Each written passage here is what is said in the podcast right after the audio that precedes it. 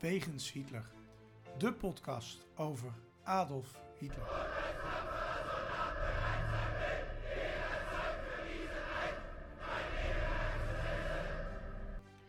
Dictator, alleenheerser van 1933 tot 1945. Een man met miljoenen doden op zijn geweten. Das war ein Befehl! Der Angriff Steiners war ein Befehl! Een man waar ongelooflijk veel verhalen over te vertellen zijn. Ook al die jaren na zijn dood. Adolf Hitler heute Nachmittag seinen Befehlsstand in der Reichskanzlei bis zum letzten Atemzuge gegen den Bolschewismus kämpfen für Deutschland gefallen ist. In deze podcast gaan Sjoerd de Boer en Niels van Andel de wegen van Hitler af. Ze kijken naar bijzondere plekken, naar vroeger, naar nu. En ontdekken samen met de luisteraar het bijzondere verhaal van de Führer van Nazi Duitsland. Een, een nieuwe week, een, een nieuwe Wegens Hitler. En het werd weer hoog tijd voor een special, want het was alweer even geleden. En dit keer doen we dat denk ik toch over het, ja, het kunststukje van het Duitse leger, de Blitzkrieg. Dat lijkt dan een idee van eh, heel uniek eh, voor, eh, voor de Duitsers natuurlijk. Een snelle oorlogvoering, maar dat is eigenlijk iets wat al uit de tijd van Napoleon komt. Een beetje dat zo Ja, min ja, mogelijk door, ja. door, doordouwen. En dan, dan dat heeft de vijand zo min mogelijk tijd. Maar wij zijn geen podcast over Napoleon. Heel interessant, maar daar weet ik verder ook weinig van. Wij gaan het hebben over de Blitzkrieg in Polen, Frankrijk, Rusland en natuurlijk Nederland. Vergeten we die hele kleine nog, die Luxemburg. Ja, dat zal een hele ja. snelle blitz zijn geweest. Nou, ik Trapt het gaspedaal en stonden ze in Frankrijk. Oei, dat was een blitz. Ja. Zou dat een leger gehad hebben? Zou er wel gevochten zijn in Dat, Luxemburg? dat is trouwens interessant. Misschien weet iemand daarvan. Ja, Want ik, weet iemand nu, het, nu jij het zegt, ik heb geen idee. Als iemand dit weet, hè, of daar überhaupt gevochten is, spreek het even in. Stuur ons dat geluidfragmentje, plakken we het in de volgende uitzending. Vind ik leuk. Wat onnozel dat ik dat niet weet. Nou, Nee, goed, ja, ik weet het ook niet, dus eh, dat is mooi. We gaan het hebben over eh bron van eh, 2018. Er is een boek geschreven, De Blitzkrieg onder vuur, van Ruud Bruins, Albert Goossens, Martijn Lak en Perry Pierik. En we hebben nog wat andere bronnen gebruikt, maar dit is toch wel de belangrijkste. Ehm, de eerste vraag die in mij opkomt, dat Blitzkrieg, waar komt dat vandaan? Nou, wat ik er begrijp, van begrijp is dat het eh, al in de 19e eeuw eh, bestond. Dat, die term, hè, gaat het dan om eh, hoe lang Ja. de Blitzkrieg zelf al bestond. Dat is dan misschien weer een ander verhaal. Maar dat sloeg op het Pruisische leger. Die had een bepaalde strategie die beschreven werd door een journalist uit Frankrijk. En die, die, die zei van dat leger dat sleepte eh, de ene naar de andere strategie binnen door heel snel te handelen. En dan noemt hij dat dan de bliksemoorlog. Op zijn Frans. Hè? Ehm, nou, dat heeft onder andere te maken, de reden daarvoor heeft, eh, is de voedselvoorraad van een land eh, tijdens een oorlog. Eh, als, als, als die niet op orde is, dan, dan, dan, eh, nou ja, dan, eh, dan, dan moet je iets doen. Dan moet je een andere strategie hebben. Dan kun je het niet lang uithouden. Bijvoorbeeld door de Britse blokkade in de Eerste Wereldoorlog komt er een hongersnood en onvrede in Duitsland. Nou ja, en moet je dus iets op verzinnen. En dat ging in die Eerste Wereldoorlog natuurlijk niet, want dan lagen ze tegenover elkaar en dat duurde maar en dat duurde maar. Nou, en dat moest niet nog een keer gebeuren. Dus eh, na de Eerste Wereldoorlog eh, heb je dus die wens om die tafereelen te voorkomen. En het concept van de Blitzkrieg wilden ze dan daarvoor gebruiken.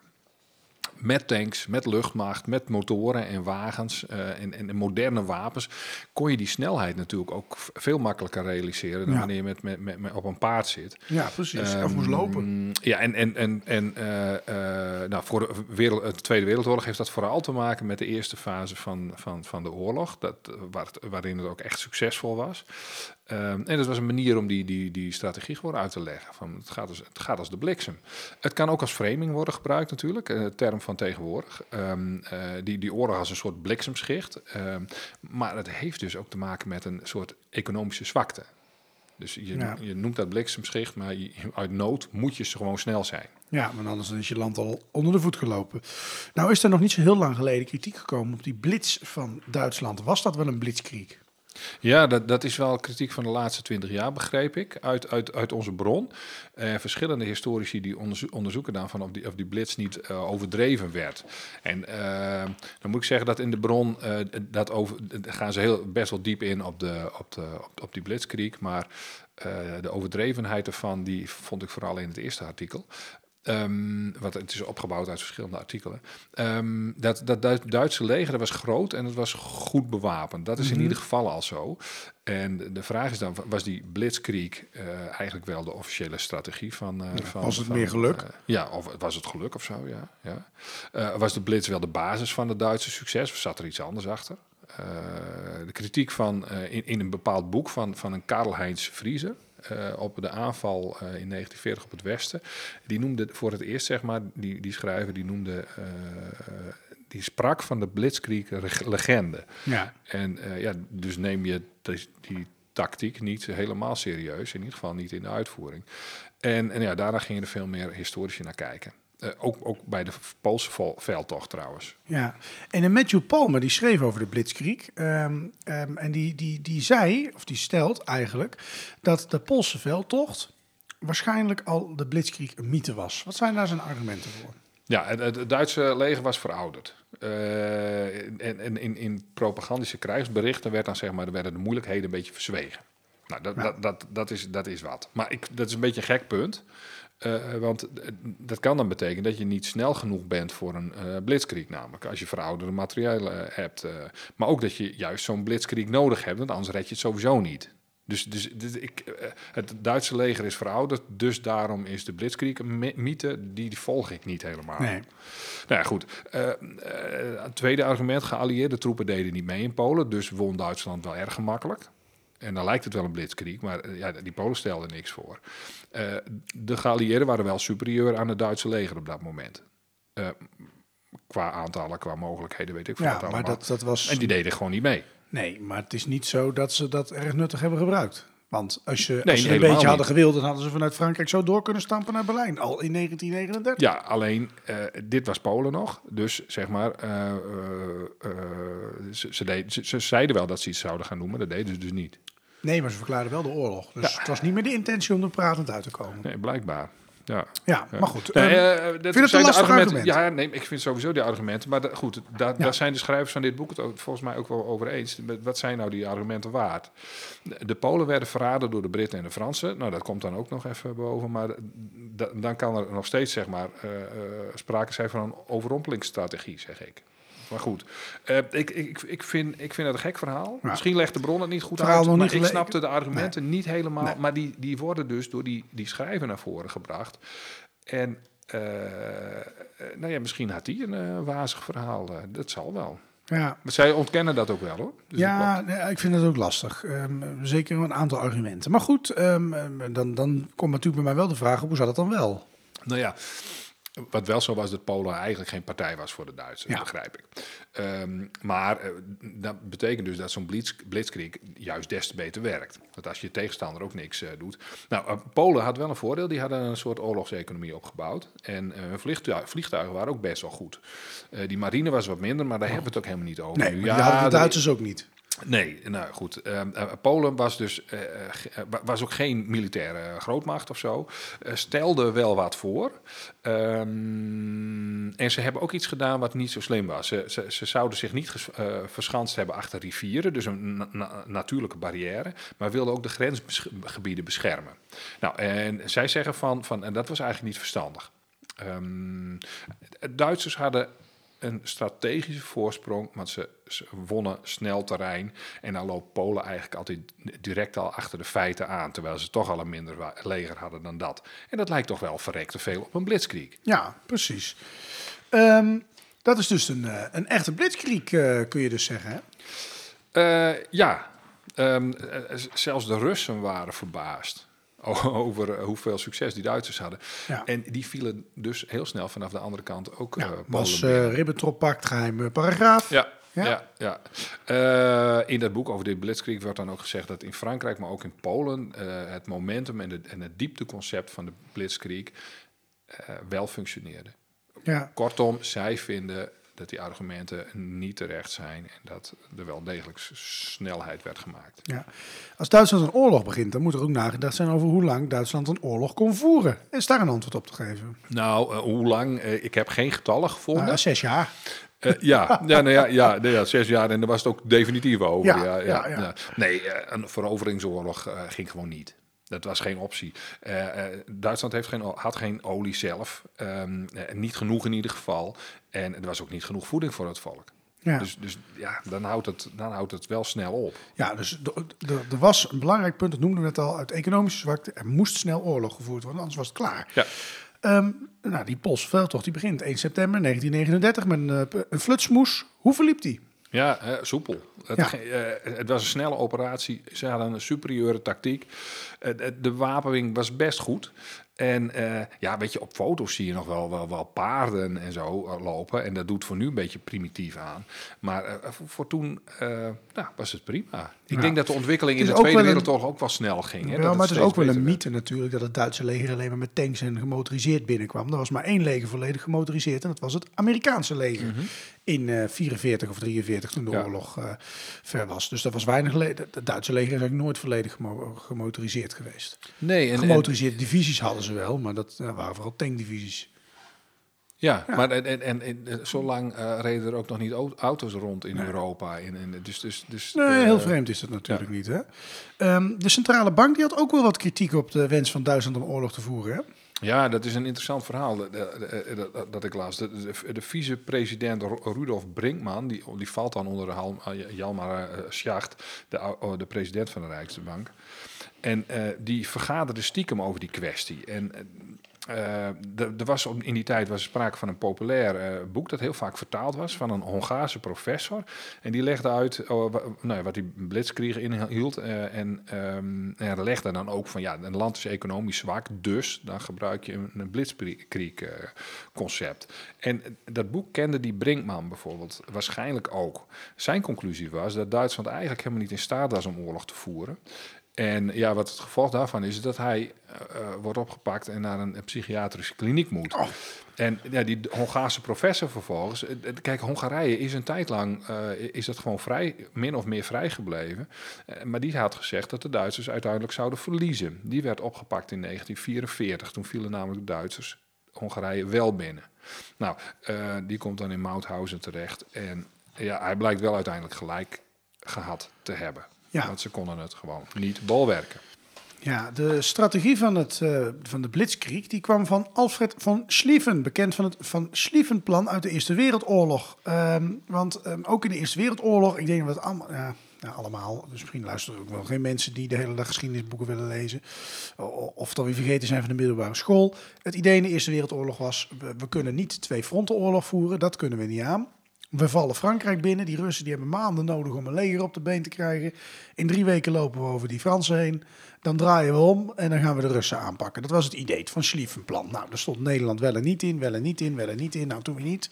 Dus in de Eerste Wereldoorlog is ons leven bespaard.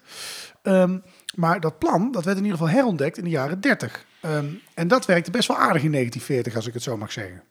Ja, ja, het- was ook al uitgeprobeerd. Die eh, generaal Ja. Kleist en Guderian die hadden het in Polen gebruikt. Dus ja, dat gingen ze in Frankrijk weer doen. Met die race naar de zee bijvoorbeeld, hè, een Ja. bekend eh, verhaal. Eh, in Frankrijk moest het wel snel gaan. En, en dat, dat, dat eh, lukte ook in twee maanden tijd. Hè, voor over de Duitsers, Denemarken, Noorwegen, Nederland, België. Met dus die tanks, met die luchtmacht. eh, ehm, eh, en en, en de, het, ja, dat trok een heleboel Duitse troepen ook naar, naar richting Frankrijk. Op 15 juni eh, werd Parijs zonder al te veel verzet inge- ingenomen. Dat was ook wel fijn, want dan is die, die stad is in ieder geval intact gebleven. Ehm, en dan heb je nog die Engelse legers hè, in Frankrijk, die, die, die moesten vluchten. En die gaan naar dat bekende verhaal van Duinkerken over het nauw van Calais. Ehm, Ja, zijn mooie er- film van. ja, ja en er zijn een heleboel ontkomen. Ehm, eh, ja, de, de, de- dag begon, zeg maar, en, en dan hebben we het weer over mij, met duizenden Duitse kanonnen die dan de stellingen van eh Franse, Nederlands en, Bel, eh, Be- Nederlands en Belgen bestoken. Dan komen de, er komt de infanterie, dan komen de tanks en de trucks en de, de, de bommenwerpers en de jagers en die gaan allemaal die grens over. Ehm, de Duitse aanval op Nederland en Noord-België was een soort van schijnbeweging, begrijp Mhm. ik.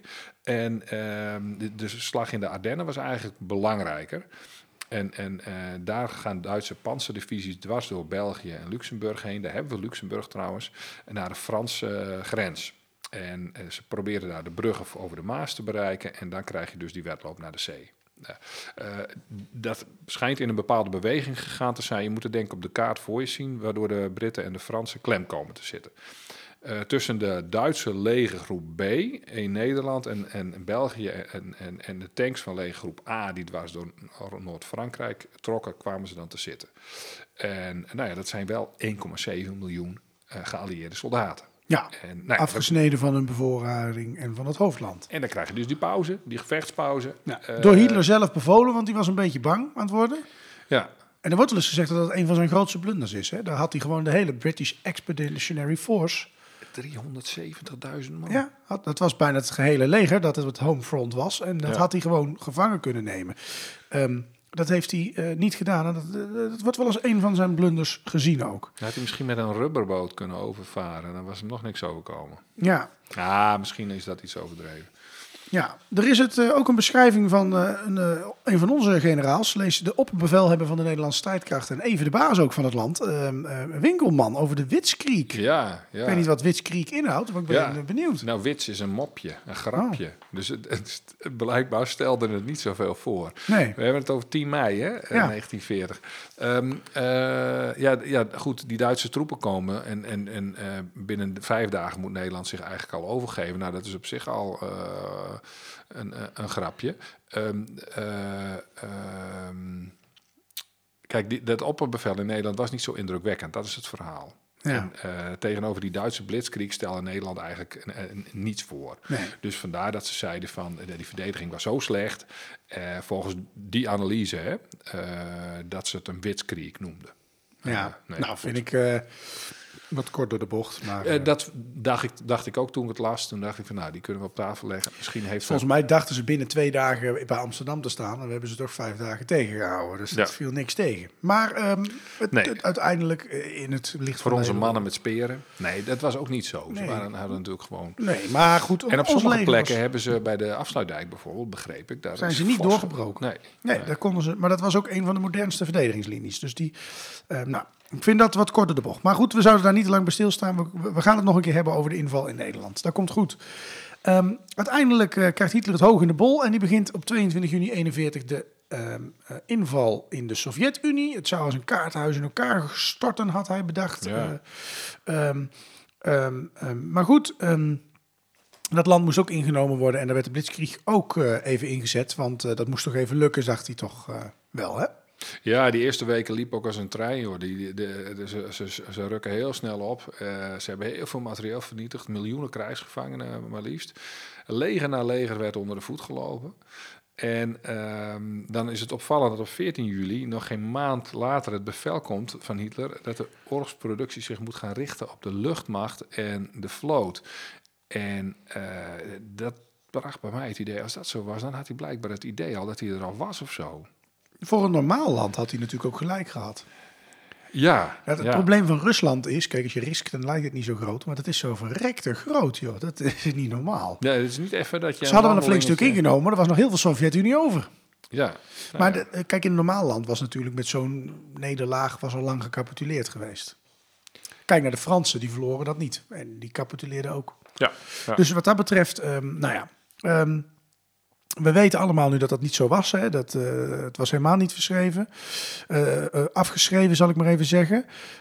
En hoe je nu bent verkeerd, overal kwamen die Russen vandaan. Hoeveel Ja. je er ook doodschoot. ja.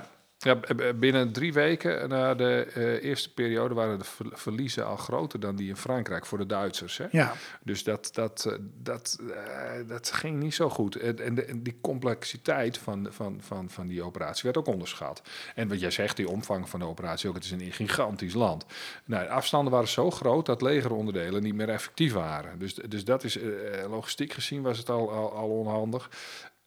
Duitsland was waarschijnlijk helemaal niet zo goed voorbereid in dit geval. Stalin had namelijk het grootste leger van de wereld. En dat, dat was al een stukje eh, geslonken volgens mij. Ze hadden ook wat verouderde wapens, maar wel het grootste leger van de wereld. dat is hadden er ook niet genoeg. Polen. Nou ja, dat Frankrijk verloor van Duitsland, dat had ook te maken met de eh, zwakte van Frankrijk. Waardoor, eh, ehm, denk ik, die, die Duitsers ook een beetje zichzelf gingen overschatten. Een invasie op Rusland is natuurlijk wel een andere koek. Eh, andere vodka kun je ook Ja. zeggen, weet ik veel. ja precies. Ja. Maar, maar, maar meer dan elders eh, eh, geldt dan dat je dus een snelle vernietiging nodig hebt. Want weet je, het, het is een, een opmars van, wat is het, 1750 kilometer, een front van 1800 uh, kilometer of, of nog meer. Ik weet, weet ik veel, dat soort getallen kwam ik tegen. Uh, nou ja, een uitputtingsslag moest je niet hebben. Daar gaat natuurlijk niks worden. Nee, dat zou Duitsland niet volhouden, dat bleek. Nee, ze hebben nee. niet genoeg grondstoffen, nee. Nee, de, de inname van Moskou met name, dat werd echt als een belangrijk punt gezien. Dat, dat, maar, maar toch weet, leek dat eigenlijk steeds weer geen centrale rol te spelen. Nee, zo apart is dat, maar dat is misschien wat je, wat je tegenwoordig doet. Hè? Door die oorlogsvoering van tegenwoordig, dat je een paar vliegtuigen stuurt naar de hoofdstad en dat je belangrijke dingen uit, uh, uitschakelt. Um, het, het, het, had wel, het, Rode Leger moest uitgeschakeld worden. Dat had de prioriteit. Dus, de, dus uh, net als Leningrad, dat was ook belangrijk, blijkbaar. Um, en daarna was dan Moskou aan de beurt. En uh, nou ja, eind, augustus zat legergroep Noord bij Leningrad, midden zat in de Oekraïne en uh, zuid in Odessa. Um, Duitsland alleen, zit daar wel mooi, maar het was een middelgrote macht. En liep ontzettend achter op, op Groot-Brittannië en de Sovjet-Unie als het ging om mankracht en de industrie en, en grondstoffen. Ja. Dus uh, ja, misschien hadden ze daar toch voor moeten kiezen. Ja. Om, om Moskou prioriteit te geven.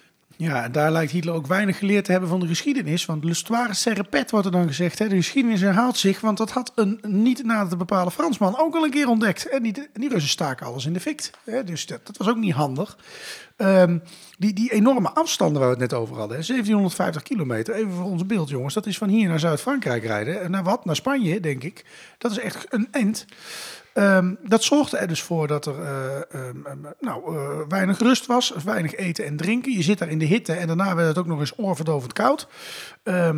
De slechte wegen waren er, hè, want het is niet zo dat daar allemaal snelwegen lagen. dat spoor dat was anders dan het Duitse spoor, dat was ook niet erg handig.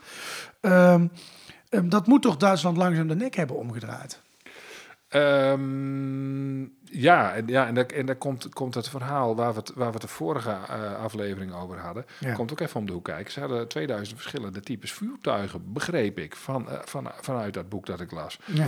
En dat is logistiek natuurlijk onwaanzin. Uh, als je, als je, en die Duitse tanks die waren ook allemaal veel te complex, hè? Ja. Als er een, een, ik noem maar wat, een Russische tank, dan deed er een andere band op en dan reed hij weer. Die Duitse tanks moesten allemaal terug naar de fabriek. Ja. Moesten ze weer helemaal ja. gerepareerd. Ja. En weer terug op de trein naar het front. Dat is onhandig. Met, met als gevolg dat dus bijvoorbeeld Panzergroep 2, daar, daar, daar, daar staat eind juli al, mm -hmm. uh, staat 71% van de voertuigen is afgeschreven als in onderhoud. Dan heb je nog maar 30% over. Handig. En dan als je ook nog een ontoereikende bevoorrading hebt, dan kom je gewoon nergens. Uh, uh, dat percentage verschilt trouwens wel per lege groep. Maar je kunt ervan uitgaan dat ongeveer 65% van wat nodig was, maar door, doorkwam. En dat percentage daalde ook nog. Ja. Uh, brandstof heb je dan over munitie, reserveonderdelen, motoren uh, en de onderschatting van de reserves. Dus, dus uh, steeds weer komt er weer een, een, een nieuwe eenheid opduiken. de slag om Smolensk duurt bijvoorbeeld al twee maanden. En dan, dan zijn, is er sprake van zware verliezen aan Duitse zijde panzerdivisiesleden zware verliezen. En uh, nou, dan rukten ze wel snel op, die panzerdivisies. Maar als ze dan uh, Russische troepen, troepen hadden omsingeld, dan konden ze niet verder. Want de infanterie bleef dan achter en die kon ze dan niet helpen. nou, dan ontkwamen vervolgens de Russen. En die panzerdivisie moesten dan wachten en zich gaan verdedigen. Ja. Dan kwamen ze natuurlijk weer terug. Nou, en die aanval op Moskou kwam eigenlijk uh, niet verder dan de buitenwijken. En werd weer teruggedrongen op 5 december 1941. Ja. Dat is wel een klein beetje um, um, de schuld ook van Hitler natuurlijk, die zijn troepen weer net voordat ze Moskou binnen konden rijden herverdeelde. Dus het was ook wel een beetje weer, daar blijkt onze hoofdpersoon toch weer een uh, uitgebreide um, rol te hebben. En, en, misschien is dat dan ook wel een beetje het begin van het einde geweest voor Duitsland, dat eigenlijk niet in staat was om zich te doen, uh, te onderhouden. we hebben de slag om Stalin gehad, die volgde ook nog. Nou, dat, werd zoveel tijd en energie ingestoken. Uh, maar eigenlijk was de Blitzkrieg toen al tot uh, stilstand gekomen. De oorlog was niet gewonnen in de tijd die Hitler had bedacht. Um, de, de, de strategie van de Blitzkrieg was eigenlijk de enige mogelijkheid voor de Duitsers geweest om te winnen. Maar zulke lange aanvoerlijden uh, zorgden eigenlijk voor de mislukking van de invasie van de Sovjet-Unie. En in 1941 was het spel wel gespeeld. Een land met ontzettend veel reserves, de Sovjet-Unie. En het leger dat enorm was. Je miljoenen gevangenen, er kwamen nieuwe. En de voorspelling van de Hongaarse professor begon uit te komen. Duitsland zou de oorlog nooit winnen. Het principe van de Blitzkrieg bestond wel degelijk, maar de strategie was niet genoeg om zo'n groot land eronder te krijgen.